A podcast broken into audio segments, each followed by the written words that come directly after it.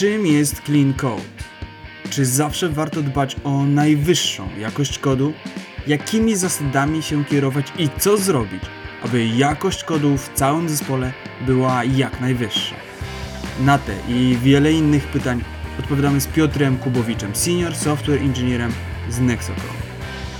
Jeżeli chcesz nam pomóc w rozwoju podcastu, to oceń DevStory na Apple Podcasts i Spotify oraz zostaw komentarz na Apple Podcasts. A jeśli nie chcesz przegapić kolejnych odcinków DevStory, to koniecznie zasubskrybuj. Nie przedłużając, moja rozmowa z Piotrem Kubowiczem.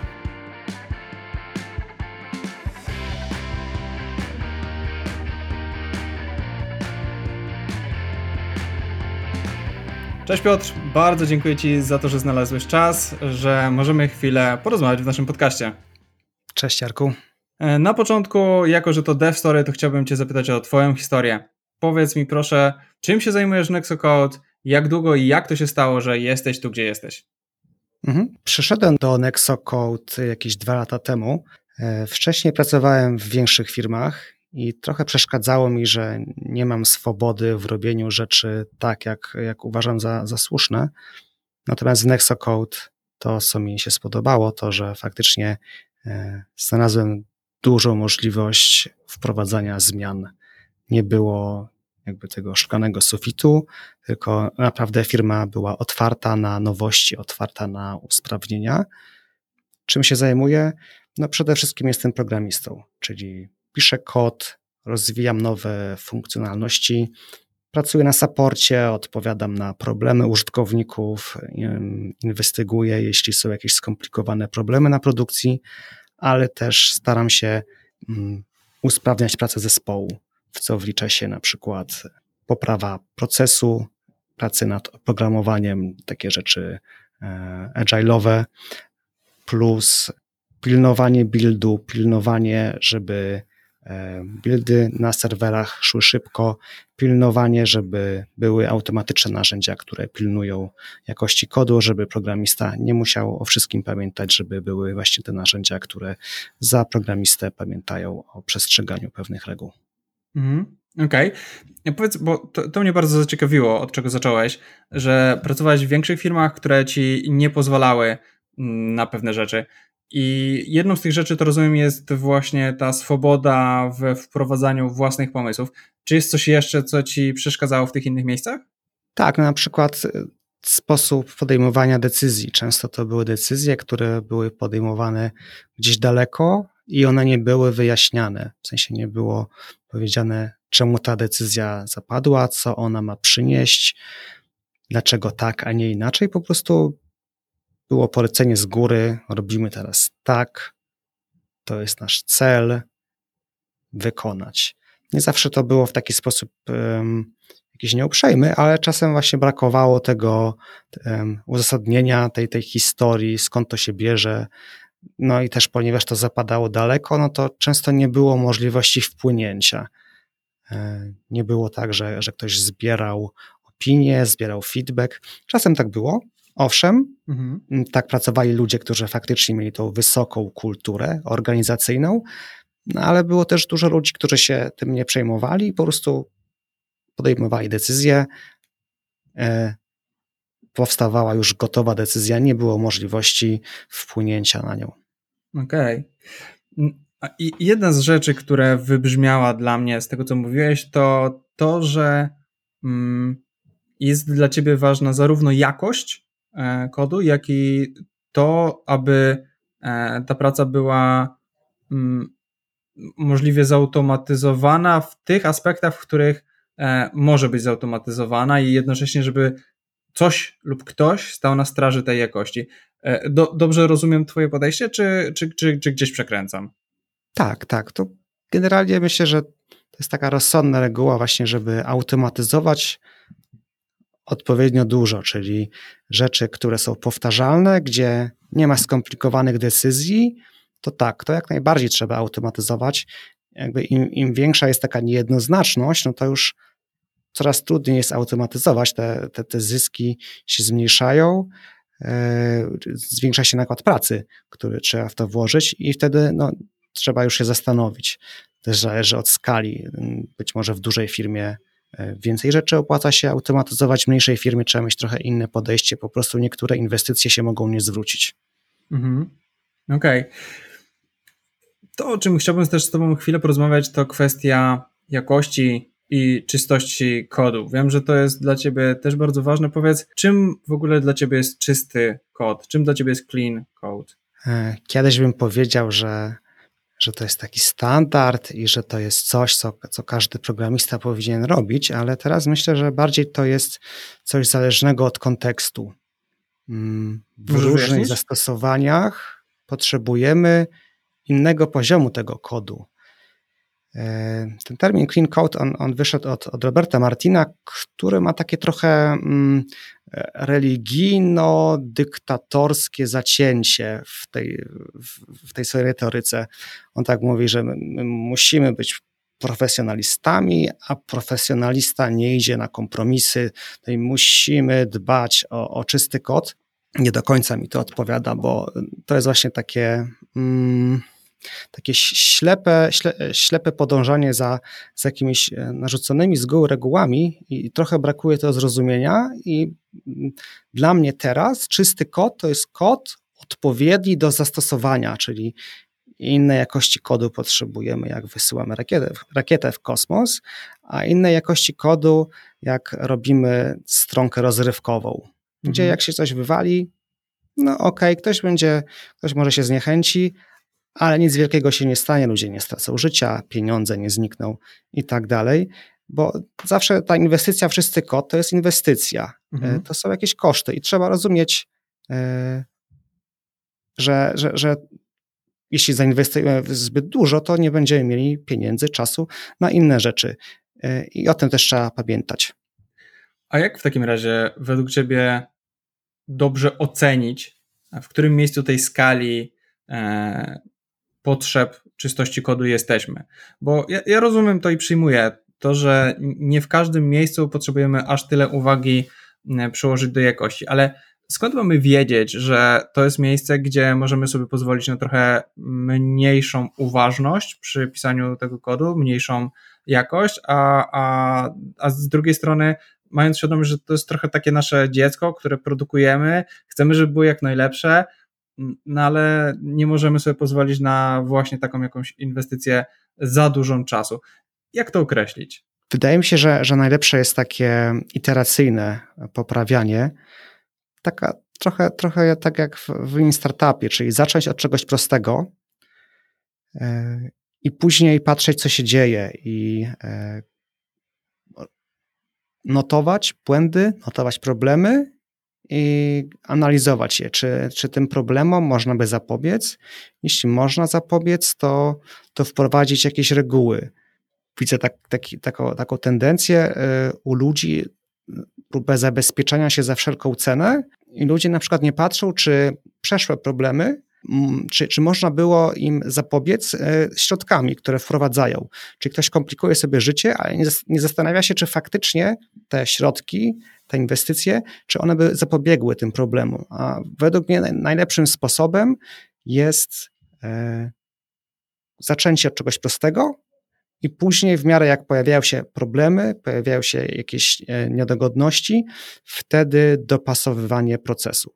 Mhm. E, jeśli to jest nowy projekt, jeśli to jest stary projekt, można porozmawiać z ludźmi, którzy są tam dłużej, odpytać się ich, jakie były problemy, e, co szło nie tak, i jakby wtedy będziemy mieli zrozumienie, jak bardzo ryzykowny jest ten, pro, ten mhm. projekt, jaki jest ten poziom ryzyka.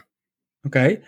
a możesz mi powiedzieć, e, jakie zasady warto stosować na różnych poziomach? To znaczy, jeżeli mamy projekt, który charakteryzuje się nie aż tak dużą wrażliwością na jakość, e, to jakie zasady tam są takie konieczne, must have z perspektywy dewelopera, e, a jakie, kiedy idziemy w coraz bardziej wrażliwy projekt, coraz bardziej kluczowy dla firmy, e, coraz bardziej ważny dla klienta, albo dla mm, w ogóle dla funkcjonowania. Nie wiem, jeżeli byśmy robili aplikację dotyczącą bezpieczeństwa narodowego kraju, to wiadomo, że tam musimy e, mieć najwyższe standardy. No ale e, jakie konkretne zasady czy rzeczy, które można wprowadzić na poszczególnych poziomach? Jesteś to w stanie jakoś uszeregować? Mhm. to myślę, że taką, takim fundamentem, taką absolutnie podstawą jest zasada, e, żeby podobne rzeczy były blisko siebie, a niepodobne daleko od siebie. Czyli jakby, żeby, bo to chodzi o odporność oprogramowania na zmiany, prawda? Czyli napisaliśmy coś i jak to będzie żyło w dalszej części.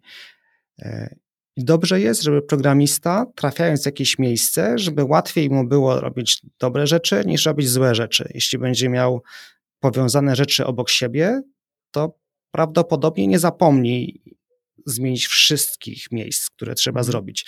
A jak będą zupełnie daleko od siebie, nie będą powiązane w żaden logiczny sposób, no to wtedy łatwiej jest z kolei popełnić błąd niż, e, niż zadbać o wszystkie miejsca, które wymagają zmiany. E, więc to jest taki, taki fundament, na którym są zbudowane te już bardziej takie um, zbudowane zasady, czyli choćby ta um, ta, ta zasada solid e, Roberta Martina e, to jest taki standard. Mm, firmy uwielbiają z tego odpytywać na rozmowach kwalifikacyjnych, ale to, to nie jest prawo fizyki. To jest jakaś taka grupa zasad, które Robert Martin sobie wymyślił, ale mm, to jest właśnie jego próba zbudowania zasad, które zapewniałyby choćby to, że z rzeczy powiązane są blisko siebie, a niepowiązane są daleko od siebie, nie wpływają na siebie, łatwo je zmienić bez e, psucia, psucia innych. Więc tak, owszem, można coraz więcej tych zasad wprowadzać. Ważne, żeby wszyscy je rozumieli w zespole, e, nie tylko potrafili odpowiedzieć na ich temat na rozmowie kwalifikacyjnej, ale też czuli, jak to się stosuje e, w programowaniu. Mhm. A jakie zasady w praktyce są stosowane w Twoim zespole, w zespole, w którym pracujesz? No to wiadomo, te, te zasady takie bardzo znane, czyli właśnie ten solid i tak dalej, tak, to jest stosowane, ale myślę, że myślę, że idziemy jeszcze dalej. Na przykład dużą wagę przykładamy do testów, bo, bo testy są czymś, co utrzymuje kod y, w działaniu. Sam kod można przepisywać, wyrzucać, dawać, ale do odpowiednio napisane testy zostają i zapewniają, że, że to, co jest najistotniejsze, e, działanie, nie te linijki kodu, nie te znaczki, tylko, tylko sposób działania jest ten sam. My dużo inwestujemy w te testy, żeby je dobrze napisać, żeby były zrozumiałe, e, żeby były odporne na zmiany, czyli żeby można było zmieniać kod, a żeby one cały czas zapewniały, że działanie jest to same. Więc inwestujemy dużo, ale według mnie to się zwraca, bo jesteśmy w stanie ten kod naprawdę śmiało zmieniać e, i też te testy nam pokazują, czy idziemy w dobrym kierunku, czy idziemy w złym kierunku. To nie jest łatwe, bo też mam wrażenie, że e, to nie jest taka oczywista umiejętność. E, można znaleźć dużo programistów, którzy, którzy nie tylko rozumieją ten skrót SOLID, ale też go potrafią zastosować, ale takie dbanie o testy nie jest według mnie zbyt rozpowszechnione. Ludzie nie przykładają do tego takiej wagi jak praca nad, nad samym kodem, a to się przydaje według mnie ta umiejętność pracy z testami. Mhm. A jak to się przekłada na pracę właśnie zespołową? Bo jedno to jest to, jak jedna osoba potrafi wprowadzić te zasady w życie, ale e, jak zapewnić tą jakość i czystość kodu na przestrzeni całego zespołu? Mhm. Code review, czyli przeglądy kodu. U nas od początku była zasada, że każdy może przeglądać kod każdemu. Nie ma jakiejś hierarchii, nie ma super programistów, hiperprogramistów, którzy mogą przeglądać wszystkim, a nikt im nie patrzy na ręce. Nie, osoba, która przyszła do pracy, następnego dnia może robić code review. To jest też sposób szerzenia wiedzy, czyli e, inni widzą, jak ja piszę, ja widzę, jak oni piszą, jeśli ja robię coś dobrze, ktoś może podpatrzeć. Jeśli ja widzę, że ktoś robi coś w fajny sposób, też będę podpatrywał i robił tak samo. Mm, no i też wiadomo, jest to też sposób na wyłapywania błędów albo rzeczy, które nie są zrozumiałe. Czyli na przykład ktoś napisał coś, on uważa, że to jest łatwe do zrozumienia, bo on to sam pisał, e, ale ja to na to patrzę i, i nie rozumiem, co tu się dzieje. E, I ten właśnie przegląd kodu jest miejscem, w którym możemy takie uwagi e, zgłosić. Możemy dojść do kodu, który, który lepiej przetrwa tą próbę czasu, bo będzie zrozumiały i dla autora, e, i dla mnie. Mhm. A zdarzyło ci się kiedyś sytuację, kiedy ktoś przeglądał twój kod i mówił, że jakieś rozwiązanie nie jest optymalne? Tak, tak. I, I, bardzo się cieszę. To, to jest dla mnie naprawdę wielka radość, bo to znaczy, że ludziom się chce. Mhm. Że ludziom chce się myśleć e, poza utartymi szlakami, że rozważają kilka opcji, e, że są w stanie zaproponować być może jakieś inne rozwiązanie. To jest super rzecz. Najgorzej, jeśli bym oddawał cały czas kod do review i by się kończyło, no wszystko ok, następne. Mhm. Nie uważam się, mimo, mimo ponad 10 lat doświadczenia, nie uważam, żebym ja pisał e, bezustannie w kółko super kod. Myślę, że każdy ma taką tendencję, że chce po prostu skończyć, że, mhm. żeby popchnąć rzeczy do przodu. Myślę, że każdemu się może zdarzyć, że, zdarzyć, że po prostu pójdzie na skróty. Jasne. Na pewno mi się też to zdarza. Więc bardzo się cieszę, gdy ludzie kwestionują moje zdanie. Kwestionują w taki sposób y, pozytywny, czyli nie dla jakiegoś krytykanstwa, tylko pokazują, że, że być może tutaj mm, coś idzie nie tak, że być może mm, za jakiś czas w tym miejscu wystąpi problem. Mhm. A jeżeli ty robisz code review, to i widzisz coś, co według ciebie mogłoby być zrobione lepiej albo po prostu inaczej, to w jaki sposób mówisz o tym tej drugiej stronie? Bo jedno to jest wiedzieć, a drugie to jest wiedzieć, jak to powiedzieć. E, masz jakieś wskazówki dla osób, które hmm, chciałyby przyłożyć też większą wagę i wnieść większą wartość do swoich zespołów, e, chociażby poprzez code review i chciałyby więcej tego dobrego, e, takiej dobrej informacji przekazywać innym osobom? Mhm. No pewnie parę lat temu to bym napisał jakiś taki zjadliwy komentarz i powiedział, że to, to, to trzeba poprawić.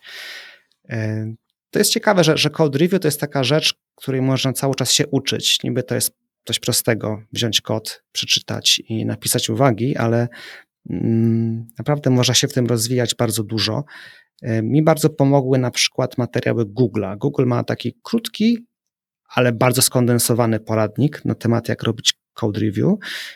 I mm, co z tego wyniosłem? E, myślę, że ważne jest schowanie swojego ego, czyli w review, które robię, e, nie chodzi o to, żebym ja się poczuł lepiej, tylko chodzi o to, żeby, żeby dostarczyć dobry kod w czasie. Tak samo nie jest ważne dojście do czegoś, co mi super pasuje, tylko właśnie w tym poradniku pamiętam taką, taką zasadę, że skup się na tym, czy, czy w tym kodzie jest coś, co jest absolutnie nieakceptowalne. Jak nie, to, to jeśli kod robi to, co trzeba, to powinien wejść. I pamiętam, że to bardzo zmieniło moje podejście. Jestem taką osobą e, krytykancką. Uwielbiam e, zauważać e, dziury w całym, uwielbiam dostrzegać jakieś różnice, coś, co nie pasuje. Myślę, że dużo będzie takich ludzi w informatyce, to jest pewien, e, pewien sposób myślenia, sposób, jakieś podejście kognitywne. Myślę, że dużo będzie takich ludzi właśnie nastawionych bardzo analitycznie na szukanie różnic, a nie szukanie podobieństw. E, ja na przykład musiałem się nauczyć, jak to hamować, czyli mm, może to była jakaś nauka empatii, Czyli dostrzeżenie po pierwsze tej osoby, po drugiej stronie, że tam jest ktoś, kto, kto czuje, kto się może poczuć źle z moją uwagą, a po drugie dostrzeżenie tego, że mm, to, to, to code review to nie może być taka praca bez końca, że tutaj szli, szlifujemy, upiększamy, e, bo po prostu ten, ten kod czeka, on mm, musi pójść do przodu. I jeśli mhm. nie ma jakichś bardzo poważnych przeszkód, to nie chodzi o to, żeby powstał kod, który mi odpowiada, tylko kod, który będzie robił to, co trzeba. I to jest, myślę, najważniejsza zmiana w myśleniu, czyli takie odwrócenie się od myślenia ja, ja, ja, to ma być mój kod, tylko bardziej myślenie o e, produkcie, myślenie o zespole. Mhm. A powiedz mi, mm, przyszło mi do głowy taka rzecz, kto i co e, wyciąga z code review, bo osoba, której kod jest poddawany code review, to dosyć, dosyć jasne, e, że dostaje konkretne wskazówki, wie już, co można inaczej zrobić, może lepiej, na co zwrócić uwagę kolejnym razem. A z drugiej strony, czy jest, czy osoba, która wykonuje code review, również coś z tego wyciąga? Jeśli tak, to co? Mhm. Można na przykład sobie zadać pytanie, czy to jest częsty błąd, albo czy jest duża szansa, że błąd, który popełnił autor kodu, może się powtórzyć i wtedy można spróbować zauto, zautomatyzować mhm. e, sprawdzanie takiego błędu. Czyli nie, że ufamy, że następny człowiek przy code review wyłapie taki błąd, tylko spróbować napisać jakąś regułę, która mm, ten błąd będzie, wyłap będzie wyłapywać. Mm, no i zawsze to trzeba rozważyć, jakby, czy, czy ta inwestycja ma szansę się zwrócić. Więc to jest, to jest jedna korzyść. Druga korzyść e, to może być e, fajna zabawa, fajny sposób mhm. spędzania czasu, bo e, to wszystko zależy od nastawienia. Możesz myśleć o code review, że to jest, to jest taki obowiązek.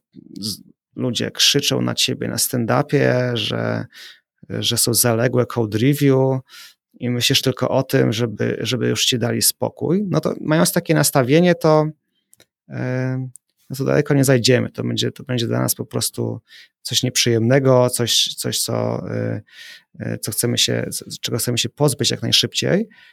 Y, dużo można zmienić, przeformułowując problem w swojej głowie. Na przykład myśleć o tym nie jako o papierkowej robocie, jak o, nie wiem, wypełnianiu podatków, tylko na przykład jak o zagadce, że rozwiązujemy, że, że gramy w grę.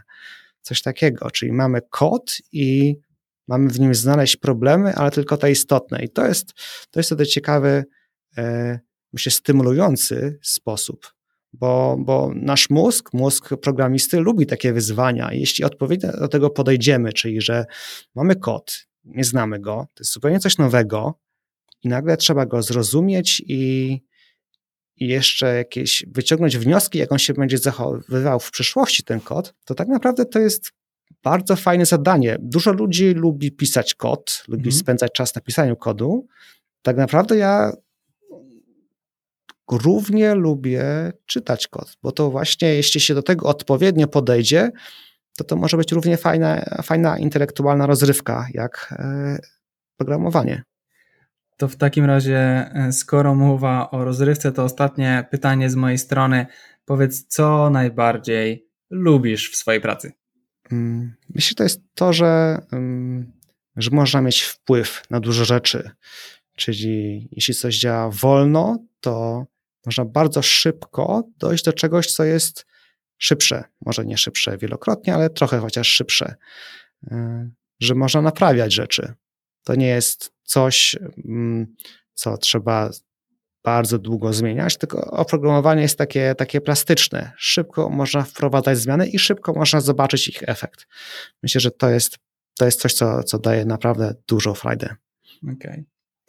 Bardzo dziękuję Ci za rozmowę, bardzo dziękuję Ci za Twoje przemyślenia. Jestem przekonany, że dla wielu osób one będą interesujące i wiele osób może właśnie dzięki Twoim słowom e, będzie w stanie inaczej spojrzeć na czystość kodu, inaczej spojrzeć na code review, inaczej spojrzeć też na pracę wspólną nad jakością kodu. E, bardzo dziękuję Ci za tę rozmowę i mam nadzieję, że niedługo będziemy mogli porozmawiać jeszcze raz. Dzięki za rozmowę.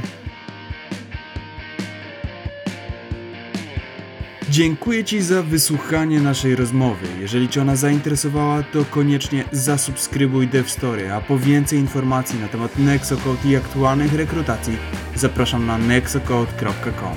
Aktualnie szukamy Angular, Kotlin i .NET deweloperów na poziomie mid i senior. Dziękuję Ci za dzisiaj i do usłyszenia.